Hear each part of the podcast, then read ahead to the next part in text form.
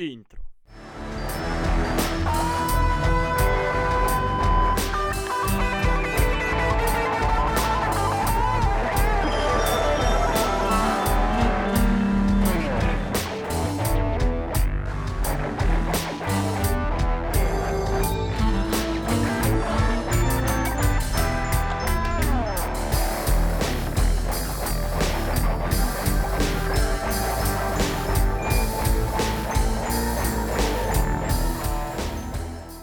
Dzisiejszy podcast poświęcony jest piątej rocznicy wydania albumu Blackstar, ostatniego i wyjątkowego krążka w dorobku Davida Bowiego. Ze mną entuzjastka tego nagrania, prowadząca podcast Bulldog in Yellow Submarine, Marta Pawlikowska. Witam y, serdecznie i dziękuję, że zgodziłaś się na udział w tej rozmowie. Nie ma za co, ponieważ ostatnio eksploruję y, dyskografię Bowiego i jest to fascynujący twórca, więc y, jestem zadowolona z tego, że mogę wypowiadać się nie tylko o Beatlesach, ale również i o innych interesujących i inspirujących twórcach. Także dziękuję też za zaproszenie. Bardzo proszę, na kanale YouTube y, Bulldog in Yellow Submarine znajdziecie drugą część naszej rozmowy. Podlinkuję ją w opisie y, oraz na stronie na Facebooku.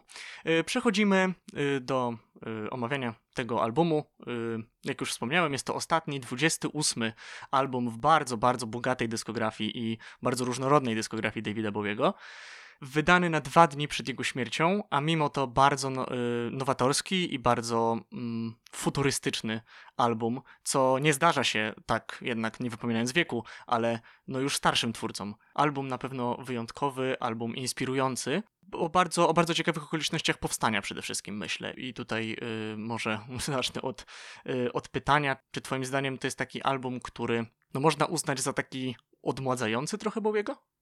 Y, Blackstar y, można chyba uznać za jakby tak nieoficjalnie czwartą część y, tej serii Heroes Low i Roger, ponieważ te wcześniejsze albumy, to znaczy z lat 2000 y, Bowiego nie były chyba aż tak eksperymentalne, jak właśnie ta trójca, a tutaj Bowie chyba powrócił do takiej eksperymentalnej formy, więc myślę, że, że jest to naprawdę jeden z najbardziej intrygujących albumów w jego życiu.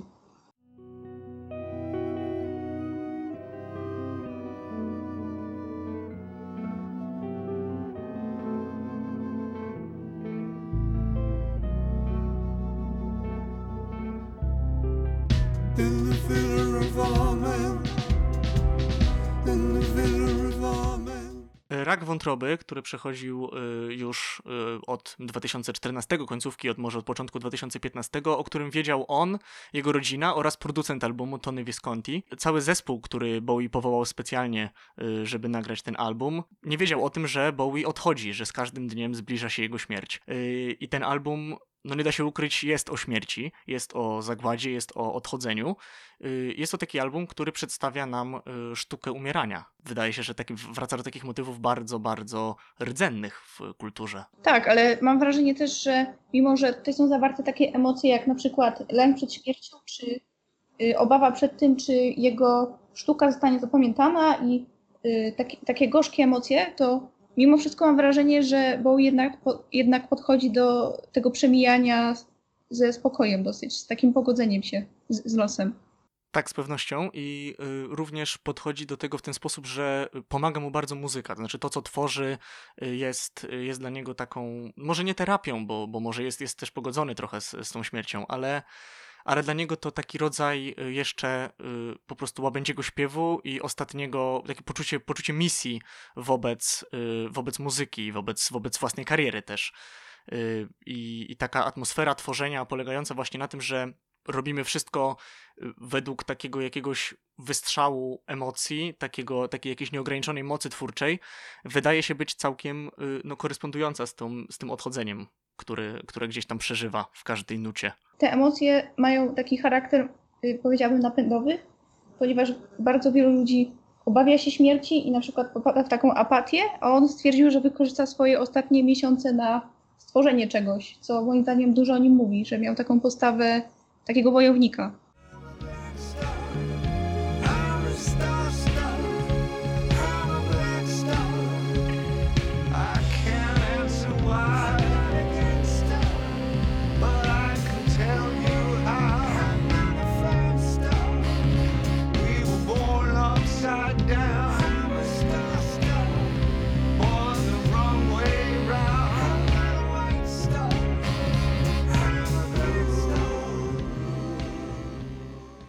Tym trochę opowiada pierwszy utwór na albumie, najdłuższy, prawie 10-minutowy Black Star. To jest utwór, który miał, y, który miał swoją y, premierę y, przed płytą, jako, jako singiel. Był to taki utwór, który tą płytę też promował, jakoś się określał y, wcześniej. Była taka akcja promocyjna na Twitterze również z hashtagiem Blackstar i I'm a Blackstar, bo właśnie ta fraza I'm a Blackstar powtarza się w tym utworze mm, bardzo długi, przez bardzo długi czas, tak obsesyjnie niemal. I wydaje mi się, że gdzieś to w ogóle, że jest to Blackstar, czyli no czarna gwiazda, taka gwiazda odchodząca, gasnąca gwiazda, jest korespondencją z tym, y, w zasadzie co przez całą, y, całą karierę Bowie reprezentował takiego twórcę, który no, mówił o sobie, a może trochę nie o sobie, ale jakoś tak lirykę maski stosując, y, Starman. Bo Bowie w ogóle y, uwielbiał wchodzić y, w rolę. Miał kilka alter ego i wydaje mi się czymś fascynującym, że wszedł w kolejną rolę, wiedząc, że będzie umierał. To tak jakby zrobił ze swojej śmierci taki performance artystyczny wręcz. Gdzieś to widać również w teledyskach w formie wizualnej, bo Bowie też bardzo zwracał uwagę na, na to, jak to wszystko wygląda, czyli na zawsze jego okładki płyt były jakieś wymyślne. O, to jest pierwsza okładka y, płyty. Swoją drogą, ona też ma bardzo ciekawą historię, może, może do tego za, za niedługo nawiążemy. Natomiast on zawsze przywiązywał na przykład y, wagę do, do okładek, y, na których był, bo Black Star to pierwsza okładka, na której nie ma bo, bo jego, w sensie jego, jego twarzy. Ta warstwa wizualna też jest w tym albumie bardzo widoczna, jest on, ta muzyka jest bardzo plastyczna. Jeszcze nawiązując do tego utworu Black Star, to wydaje mi się, że on jest chyba najbardziej takim apokaliptycznym numerem y, w całej trackliście, bo zawarte w nim jest takie napięcie, że y, jakby coś y, bardzo złego się dzieje albo zaraz się stanie i ten taki oniryczny, mroczny, ciężki klimat jest potęgowany przez nierówny rytm i takie jakby złowieszcze partie tych saksofonów. No właśnie, bo gwiazda, którą, którą Bowie się stał, y, wielka gwiazda jasno świecąca, w zasadzie trochę na inny sposób niż wszystkie inne, gaśnie i gaśnie nieuchronnie. No w zasadzie ta śmierć zbliża się wielkimi krokami. Y, może porozmawiajmy teraz o gatunku, w jakim ten album się obraca, bo to nigdy nie jest jednoznaczne wobec Bowiego. To jest człowiek, który przeszedł przez bardzo wiele gatunków muzycznych, bardzo wiele inspiracji muzycznych. I y, no tutaj takie określenia główne, które padają wobec, wobec gatunku całego albumu i również utworu Blackstar, to futurystyczny rock, to jakiś art rock, y, rock alternatywny. Też często mówi się o jazzie na przykład. Tak, mówi się o jazzie, dlatego że zespół, który został powołany, y, był, y, no, nominalnie był zespołem jazzowym i właśnie muzycy jazzowi grający rock to było takie połączenie, które wydawało się naprawdę takie... Mm, no, mieszanką stylów, y, mieszanką mogło się okazać wybuchową, a okazało się bardzo zgraną i bardzo dobrze oddającą te emocje, które myślę Bowie tutaj postanowił zaprezentować. W studiu też panowała bardzo demokratyczna atmosfera tworzenia, gdyż Bowie nie narzucał, przynajmniej przy nagrywaniu tego albumu, swojej woli y, reszcie zespołu, tylko mówił, że jeśli ktoś ma jakiś pomysł, to może o nim powiedzieć, może spróbować nowych rzeczy, więc to był rodzaj takiej komuny artystycznej wręcz. w ogóle się bardzo mówi o tym y, często, że to nie jest album popowy w żadnym, w żadnym stopniu, a przecież Bowie gdzieś tam, mimo wszystko, że no był na innym trochę poziomie niż y, inni tacy wielcy soliści popowi typu Billy Joel albo Elton John, ale gdzie jednak w gatunku pop się bardzo obracał, a tutaj okazało się, że ten album już ostatni z popem ma, no w zasadzie nie ma nic wspólnego i, y, i dlatego no wszyscy się zadziwili. Na pewno był to album eksperymentalny i na pewno, na pewno był ten album zadziwiający w, y, w, chociażby w kontrze do dyskografii już, którą Bowie zaprezentował w XXI wieku. Można też się zastanawiać, y, czy y, gdyby żył nadal, to utrzymywałby tę stylistykę z Black Star dalej w kolejnych albumach, czy jednak wróciłby do ty- tych spo- spokojniejszych, bezpieczniejszych form. No właśnie, pytanie, czy Blackstar w ogóle miałby sens, gdyby miała powstać następna płyta, bo, bo mam wrażenie, że są jednak takie płyty, które muszą być czasami ostatnie, a szczególnie jeśli artysta ma świadomość tego, że y, odchodzi. Tutaj, no tak postawione pytanie można by byłoby na przykład zapytać, czy powstałaby na przykład druga trylogia. Tak jak, nie wiem, Gwiezdne Wojny miały drugą trylogię. Ale wydaje mi się, że Blackstar jest takim, taką kodą, któremu ciężko nadać jakąkolwiek kontynuację. Chociaż, no, znając Bowiego, to może coś by wymyślił.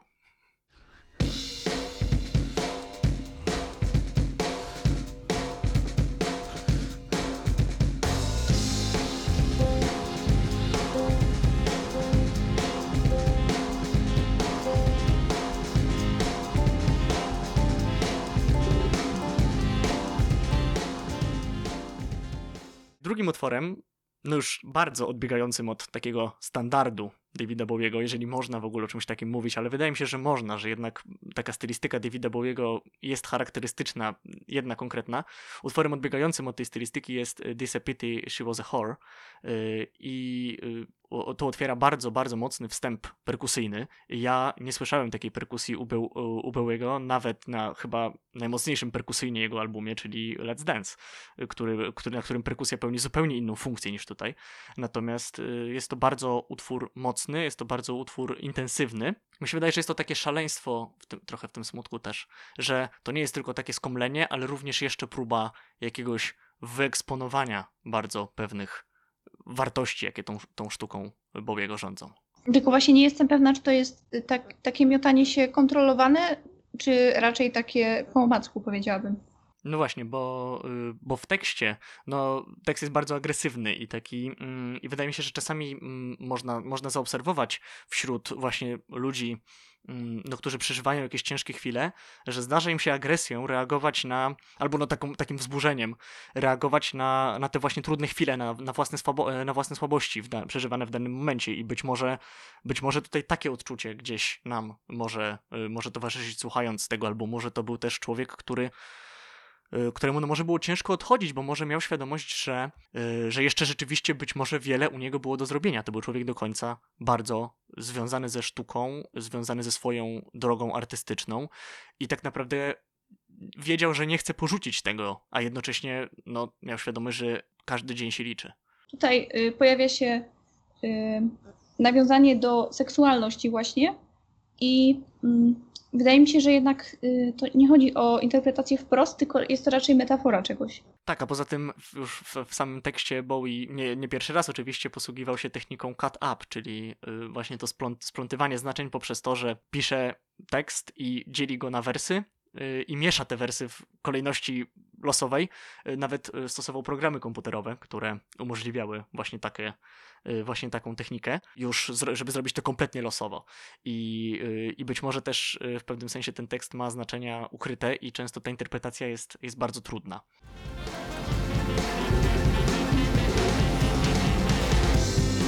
Man, she punched me like a dude. I cried. Tis a pity she was a. Bardzo ciekawe jest to, że rzeczywiście Bowie, no tak jak większość solistów, tak jak Bruce Springsteen na przykład, miał stały band, a tutaj na Blackstar powołał band zupełnie inny. Już wspomnieliśmy o tym, że to band jazzowy. Y, Skład tego zespołu, liderem tego zespołu był Donny McCaslin, jest chyba w zasadzie nadal, bo ten zespół chyba istnieje, y, który gra na instrumentach dętych, y, przede wszystkim na flecie i saksofonie i te właśnie instrumenty na Blackstar brzmią najgłośniej, jak na lidera przystało. Y, Na gitarze Ben Monder, na klawiszach Jason Linder, który na temat tego albumu chyba najwięcej powiedział. To jest, to jest człowiek, który udzielił chyba największej ilości wywiadów na temat y, Blackstar. Tim Lefebvre, y, gitara basowa i y, James Murphy w dwóch utworach, między innymi właśnie w tym, który teraz gdzieś tam przed chwilą omawialiśmy, czyli Pity She Was a Whore oraz na czwartym utworze Sue or In a Season of Crime, a nareszcie utworów Mark Gilliana. I y, to zespół, który rzeczywiście gra jazz y, i y, Bowie ten zespół w jakimś, no czy to klubie jazzowym, czy, czy jakimś, na jakiejś sesji nagraniowej ten zespół zauważył i postanowił, że rzeczywiście oni będą mu w Blackstar towarzyszyć. I ten, ten utwór, myślę właśnie ten drugi, Pity She Was a Whore, pokazuje pełni możliwości tego zespołu, tak mi się wydaje. Tak, myślę, że jak żaden inny na, na tym albumie. Everybody knows me now.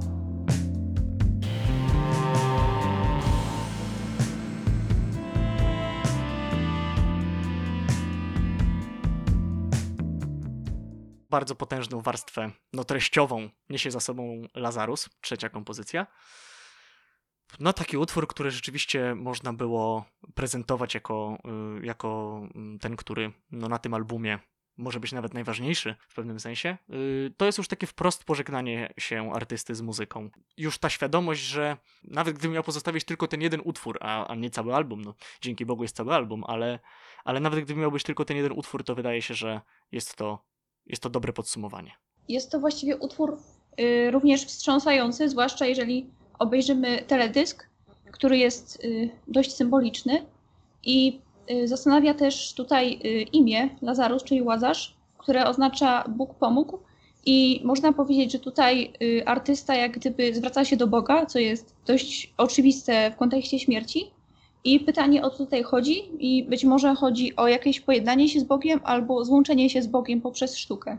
Człowiek o tak dojrzałej karierze, który przeszedł przez naprawdę bardzo dużo od, yy, od y, tylko tego kontekstu artystycznego, od kolejnej produkcji płyt, od zmagania się z własnymi jakimiś lękami, ale też z takim poczuciem wyższości, czasami z poczuciem niższości, ale też z, ze społecznym kontekstem swojej twórczości, z czym no bardzo długo miał na pewno problemy i, i to jak się eksponował na pewno wystawiało go na, na ogień krytyki, to doskonale radzi sobie na Blackstar, y, a szczególnie może na utworze Lazarus, z wyrażaniem pojęć abstrakcyjnych.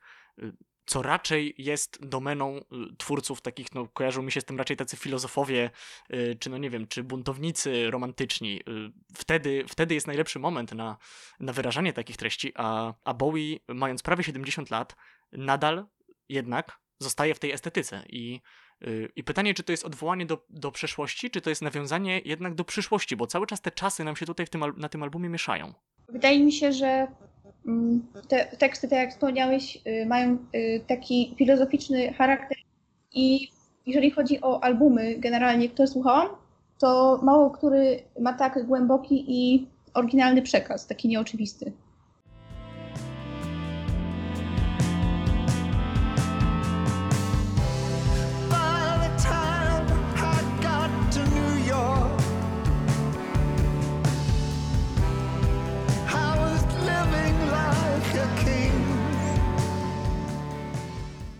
Jest sporo takich y, twórców, którzy zaczynali w latach 60. czy 70., którzy wydają dość wtórne albumy y, teraz.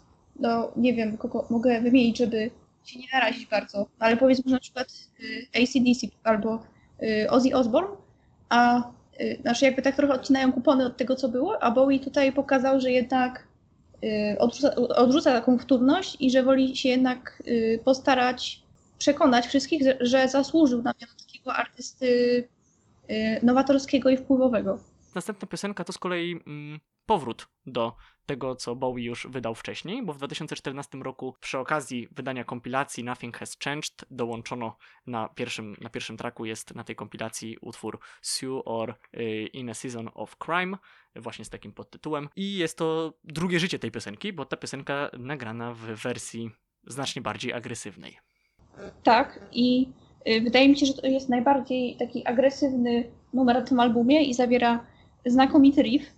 I warto tutaj y, wspomnieć, że Tony Visconti, producent, a właściwie współproducent, y, chyba jako jeden z zespołu był świadomy stanu Bowiego, bo y, reszta zespołu y, nie wiedziała w ogóle o tym, że Bowie choruje na raka wątroby i mówili y, po, po śmierci już artysty, że nie widzieli, żeby zachowywał się w jakiś y, dziwny czy y, sposób, żeby był jakiś osłabiony i tak dalej, ale Tony Visconti y, potrafił zachować tajemnicę i wiedział, do czego zmierza ten projekt, ale jednak y, nic nie zdradził aż do śmierci.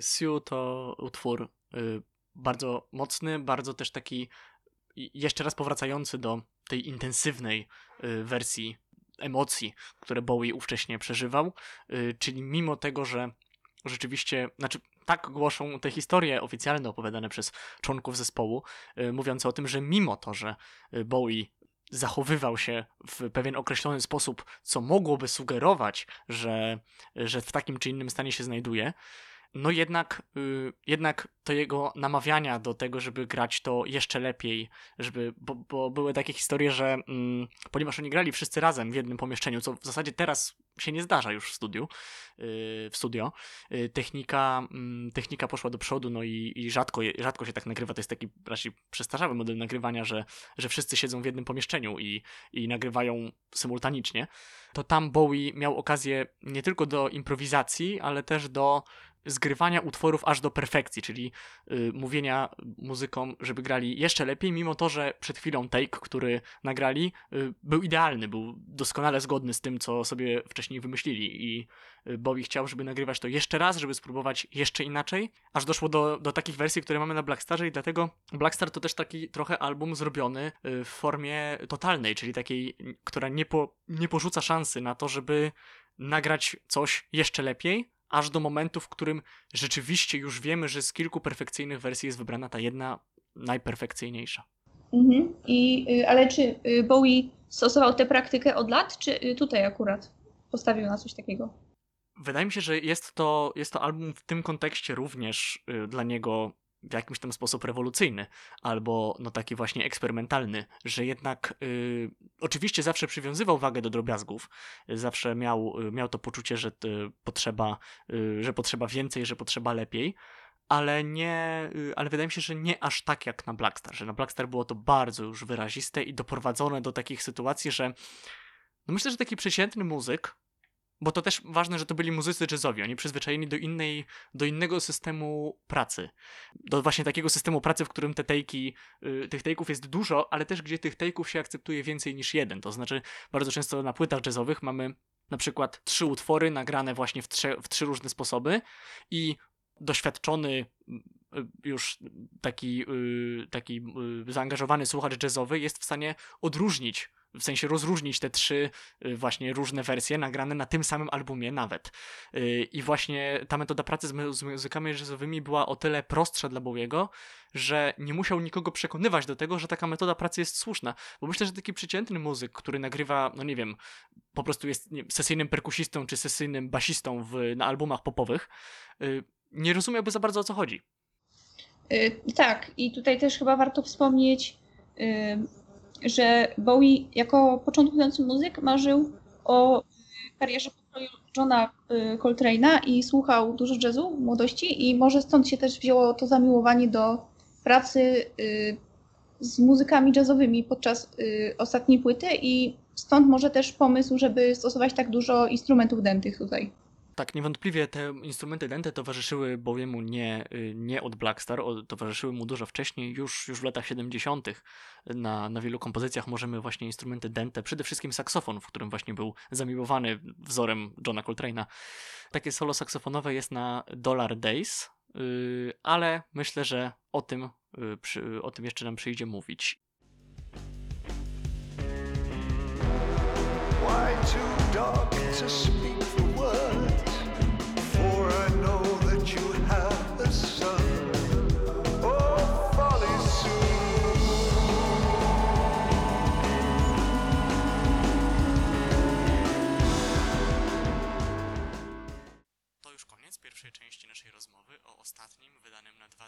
Śmiercią albumie Davida Bowiego.